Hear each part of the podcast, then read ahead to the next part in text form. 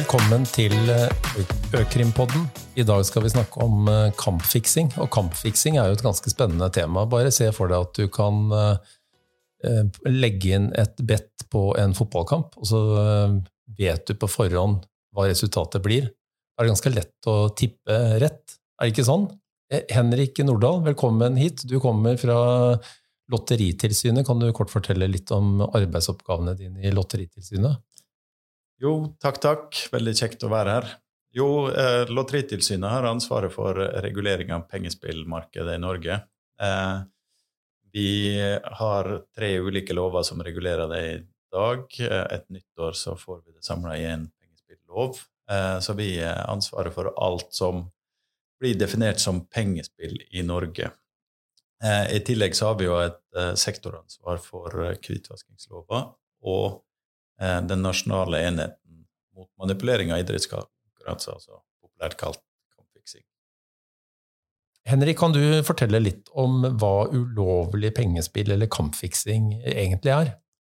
Ja, eh, kampfiksing er jo definert som om du prøver å manipulere hele eller deler av en konkurranse mot uh, en økonomisk vinning som definisjon, eller oppnå en annen fordel eh, ved å endre gangen i konkurransen, altså at du ikke yter ditt beste, eller i ytterst konsekvens eh, eh, gjør ditt for at eh, ditt lag eller du sjøl, hvis du er enkeltutøver, taper.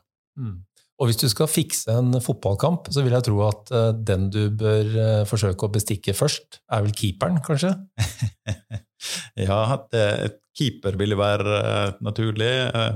og så er det jo slik at det flere du har på laget, jo flere må du ha involvert sånn sett.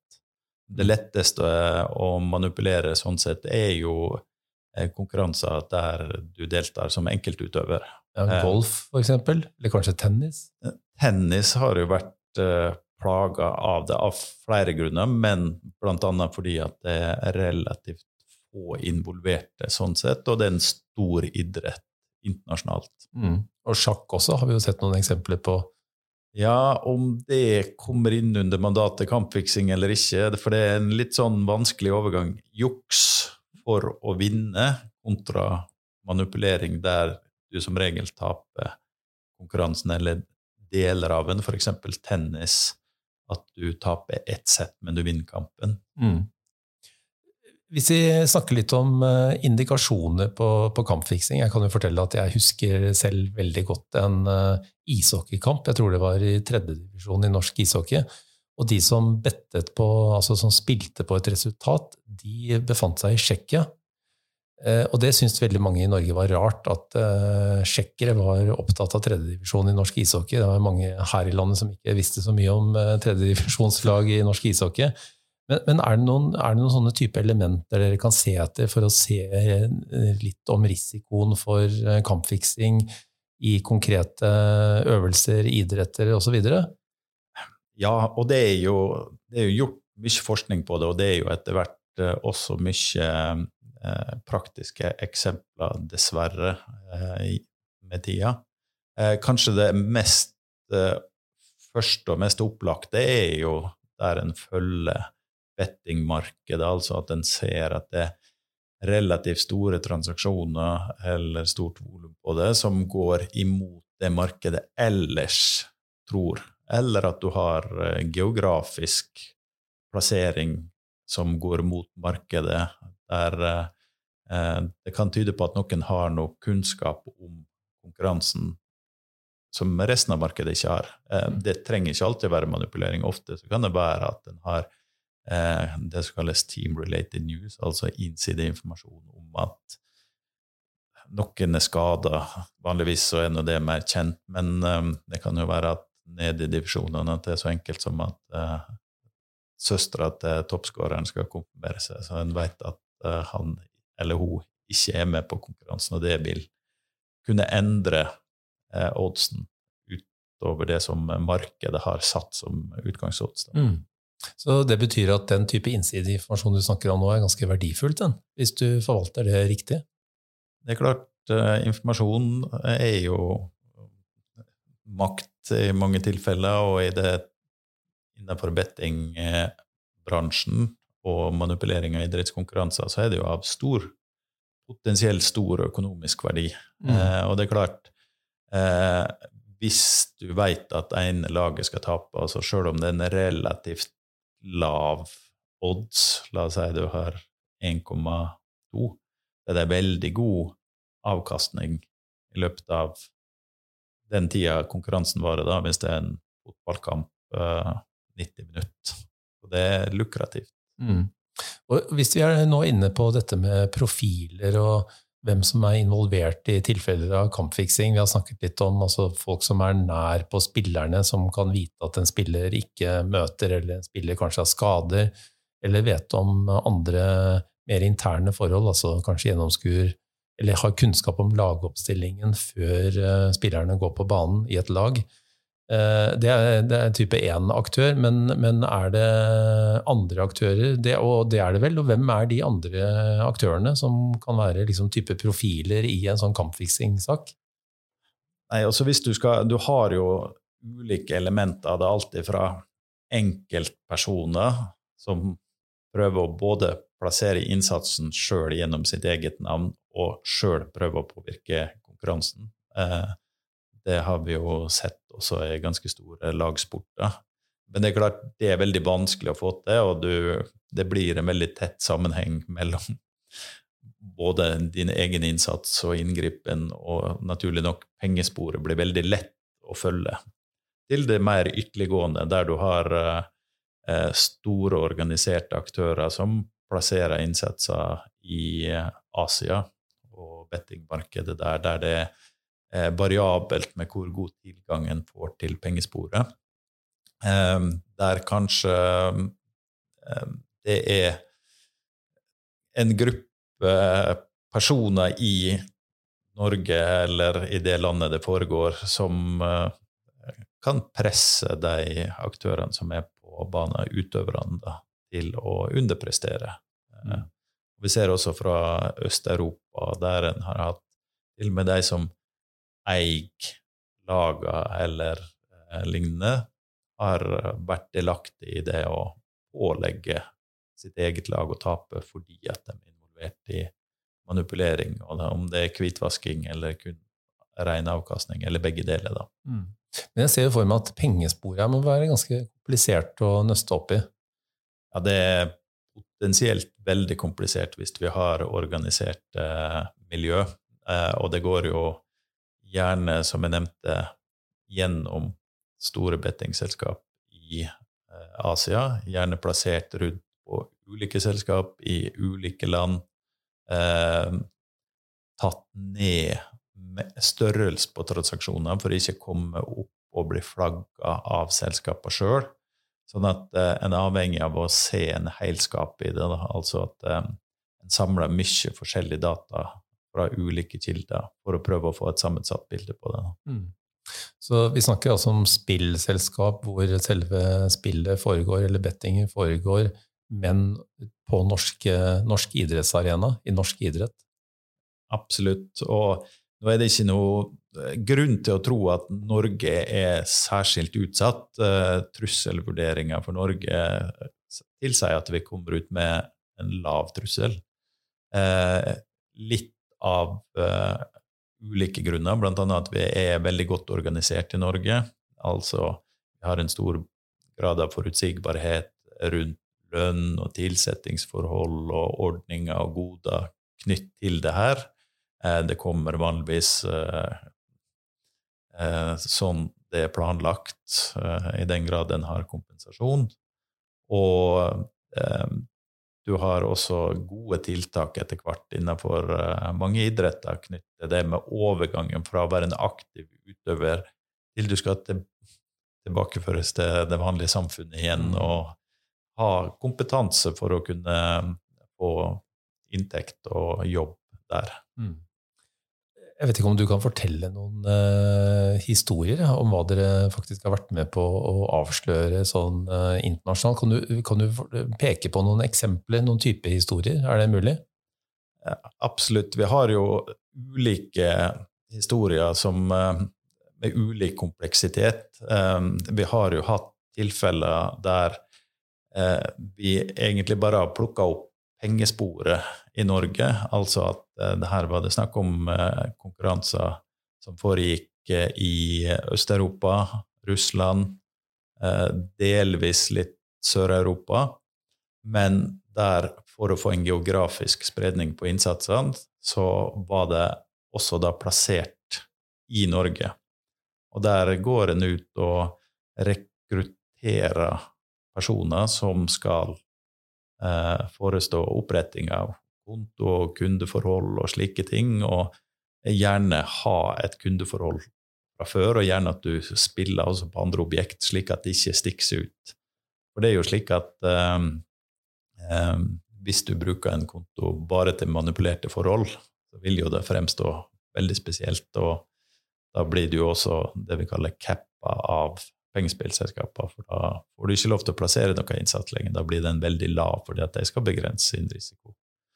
Um, det er kanskje det mest organiserte tilfellet som vi har sett. Og så har vi hatt uh, uh, tilfeller der personer har pådratt seg uh, f.eks. innenfor fotball gult kort med vilje, som er jo en, et element i konkurransen som er relativt lett kontrollere, i motsetning til et sluttresultat som får mye større konsekvenser, og som krever veldig mange flere involverte. Al altså at du spiller på hvem som skal få gult kort, eller hvem, hvilket lag som får det første gule kortet i en kamp?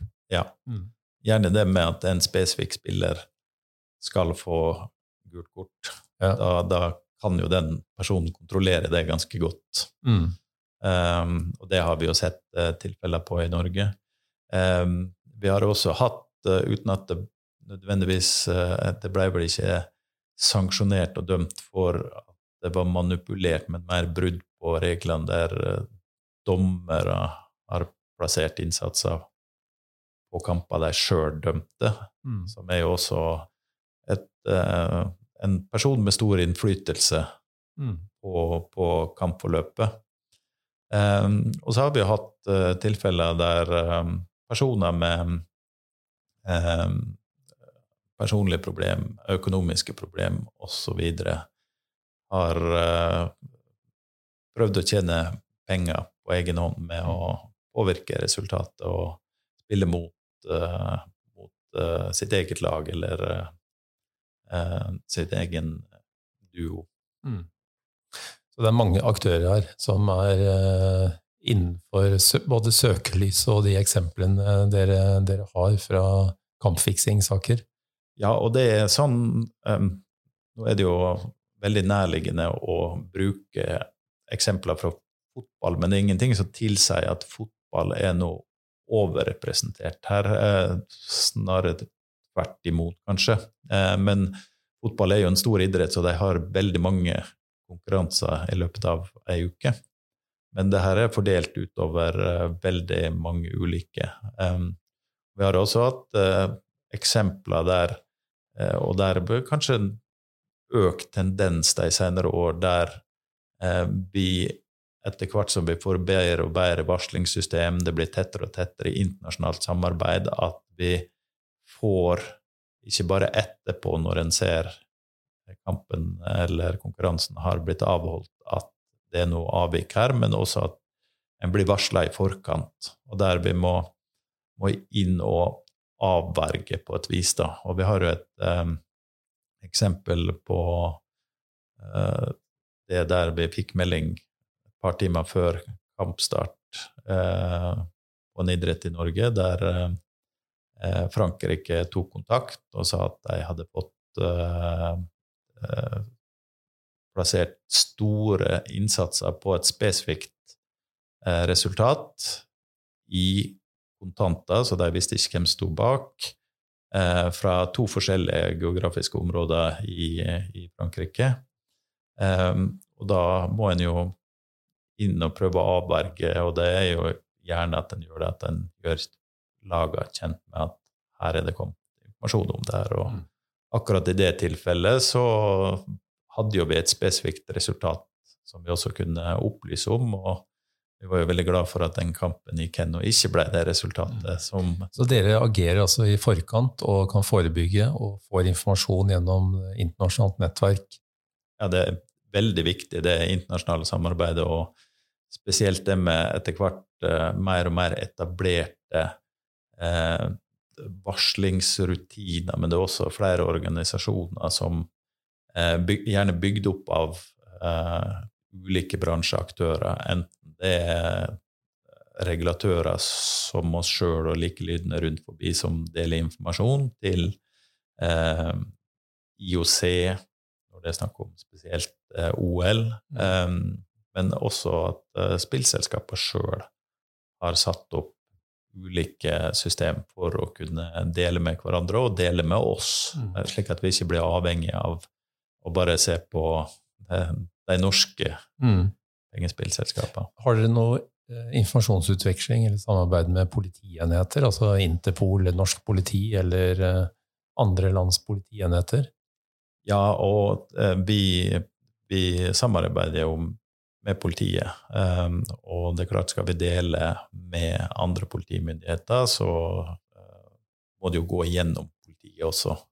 Og det er både Interpol og Europol er jo veldig aktiv på dette saksfeltet, spesielt fordi at en har sett det har vært mye grensekryssende kriminalitet eh, som involverer flere samarbeidsland. Mm. Og, og, hvis noe utvikler seg sånn at de som eh, planlegger en kampfiksing og legger inn en innsats i forhold til et forhåndsbestemt resultat, ikke ser at det skjer noe som gjør at de ikke oppnår resultatet, da går det an å stoppe kampen på ulike måter. Jeg har hørt deg snakke om uh, bombetrusler som stopper en kamp, og andre, andre typer eksempler. Så det er ulike måter å, å, forstå forklaringen kanskje, eller motivet bak en kamp som faktisk uh, plutselig stopper opp. Ja, det er helt klart. Og det er jo noen saker fra jeg tror det er fra Italia tilbake i tid der det var brukt, og så hadde jo vi et tilfelle i Norge der der var det nok ikke manipulering som var bak når eh, det ble en avbrutt eh, kamp, men der var det jo rett og slett fordi at det er store, komplekse eh, transaksjoner der ute internasjonalt, og det er ikke alle marked nødvendigvis som får justert oddsen raskt nok som gjør at folk har plassert penger på feil premisser og kanskje for mye penger, der eh, en ser når kampen eh, går mot slutten, som var det tilfellet her, at en ringer inn en bombetrussel i håp om at eh, spill skal bli annullert, og at en skal få returnert pengene. Mm. Eh, slik fungerer det jo ikke nå lenger. Selskapet har jo tatt grep for å eh, risikomitigere akkurat de tilfellene her. Mm. Eh, men da kan vi jo slå fast da, at idretten har blitt en interessant arena for kriminelle. For det vi snakker om her, er jo en variant av økonomisk kriminalitet. Helt klart. Og her har nok vært en Veit jo, hvis en leser historien tilbake i tid, og så er det jo Det er jo ikke noe nytt fenomen, men det som kanskje eh, er nytt, er jo at det har blitt veldig mye penger i eh, pengespill. Mm. Og sportsspill, altså pengespill på sport, har jo blitt veldig populært. Og da, når det er store volum, det er masse penger involvert, så vil det også være muligheter for å enten bedra eller hvitvaske og gjemme større summer gjennom eh, pengespillaktiviteten. Eh, mm. Og I Lotteritilsynet så har jo dere utgitt en risikovurdering, du var så vidt inne på det tidligere. Eh, der har dere bl.a. skrevet om eh, kampfiksing, altså manipulering av spill. Og du har jo nevnt allerede at Norge anses for å ha en lav risiko. Eh, og så har dere også skrevet litt om ulik risiko for ulike idretter. Så der kan man liksom finne noe mer informasjon. Men hvis jeg spør deg om hvitvaskingsloven, hvilken betydning tror du hvitvaskingsloven eh, har for oppdagelsen av ulovlig spill? Enten eh, Det vil jo være stort sett etter at det har skjedd, selvfølgelig, når pengesporet er der. Hvitvaskingslova tror jeg bare blir viktigere og viktigere. Mm. Og, og det handler om bevissthet eh, rundt flere akser. Og det er klart eh, eh, for Norge sin del òg, så er det jo viktig element her at vi har relativt mange pengespilltilbydere som opererer ulovlig i Norge, og prøver å omgå det betalingsformidlingsforbudet vi har der eh, bankene blir nødt til å være mer årvåken, i tillegg til eh, hvitvasking, men også det her betalingsformidlingsforbudet. Det samme gjelder jo ute også. Det blir vanskeligere og vanskeligere å eh, skjule pengestrømmene som kreps for å manipulere de eh, konkurransene her. Men det er klart, ofte så er det jo sagt at en er villig til å ta kanskje oppimot en eh, 40% transaksjonskostnad i en hvitvaskingsoperasjon. Så hvis du har manipulert en konkurranse, så kan jo du med veldig høy grad av sikkerhet også da ta en profitt på det, mm. sjøl om den er ganske liten. Mm. Og det kan være tilfeller der en kjempestor eh, favoritt i en kamp eh, blir eh, der det er laget som er underdog, som tenker at den kampen her taper deg uansett, og da kan selge en forsikring selge i anførselstegn en forsikring om at jo, jo, det kommer til å tape, og da kan du plassere, selv om det er 1,1 innsats, noe du vanligvis ikke ellers ville ha satt penger på, men der eh, du kan plassere penger, hvitvaske det gjennom eh, pengespill og komme ut med en liten profitt på det. Mm. Og så er det sikkert noen av lytterne som lurer på hva risikerer de som er involvert i kampfiksing? Det er ulikt. Eh, de som eh, er ute på banen i konkurransen, som gjennomfører det her, eh, risikerer jo flere forhold. De kan jo bli dømt i henhold til straffeloven, bedrag eller korrupsjon og lignende, de òg, men de risikerer jo også en utestenging fra, fra idretten som de driver på med. Og det, det kan jo være alt ut fra alvorlighetsgraden, men vi har tilfeller i Norge der folk har fått uh, livstidsutestengelse som følge av brudd på den paragrafen i idrettens eget regelverk. Og så er det jo bakmennene, de andre som forestår uh, kanskje pengespor eller fasilitering av det som skjer på banen, som må følge straffeloven. da. Mm. Så risiko for straff og inndragning, kanskje, og straff for hvitvasking, og følge mye med. Eh, dere i Lotteritilsynet er jo også tilsynsorgan etter hvitvaskingsloven. Eh, det betyr at dere gjennomfører tilsyn eller har tilsynsoppgaver overfor de to lovlige spillselskapene vi har her i landet. Kan du kort eh, si litt om hva den tilsynsoppgaven går på etter hvitvaskingsloven? ja, vi skal jo se til at uh, selskapene har uh, system uh, og er i stand til å kunne avdekke hvitvasking. Og så er det jo selskapene sjøl som forestår. Vi, vi, skal bare se til at de har nødvendig kompetanse og ressurser til å løse den oppgaven. Og så er vi jo i Norge relativt lav risiko sammenlignet med en del andre land fordi at vi har registrert spill, slik at en har eh, kontroll på hvem som har plassert innsatsene. Så det har en del sånn eh, risikomitigerende tiltak som ikke er der primært for hvitvasking, men som har med eh, ansvarlighetsverktøy å gjøre. Men som en positiv effekt også på, på hvitvaskingsarbeidet. Mm. Eh, dette forbudet mot Eh, betalingsformidling, altså betalingsformidlingsforbudet knyttet til utenlandske ulovlige spillselskap i Norge det norsk eh, rett. Har dere noen oppgaver knyttet til eh, den type forhold? Ja, der er det jo vi som har vedtaksmyndighet, og som fatter vedtak om hvilke aktører som er involvert. Og det er jo en av de store og komplekse problemstillingene her, og eh, som gjør at også EU-kommisjonen nylig kom ut med en rapport der eh, en heva det opp på nivå fire, altså høyeste nivå, eh, grunnet kompleksiteten og volumet i transaksjoner fra online-spill i dag. Og vi ser jo det også spesielt de som eh, omgår, eller prøver å omgå, det norske betalingsformidlingsforbudet. Prøver jo å tilsløre transaksjonen i tillegg. Tar det via ulike betalingsformidlere, kanskje innom krypto osv. Eh, eh, forfalska eh, merchant category code, eh, altså 7995, som skal være pengespill skal være merka på, mm. men gjemme det bak andre koder eller lignende. Da. Mm. Og det utsetter jo bankene for en risiko, men ikke minst også for kundene, der det er veldig mange som eh, også ikke vet at disse selskapene ikke har lov til å tilby pengespill i Norge. Og da kan de få problemer med f.eks. bankforholdet sitt. Mm. Du snakker om en EU-rapport eh, og nivå 4, som du sier er høyeste risiko. Vi er nå i slutten av 2022. Eh, kan du si litt mer om det? Altså Risiko for hva? Hva er det den EU-rapporten sier?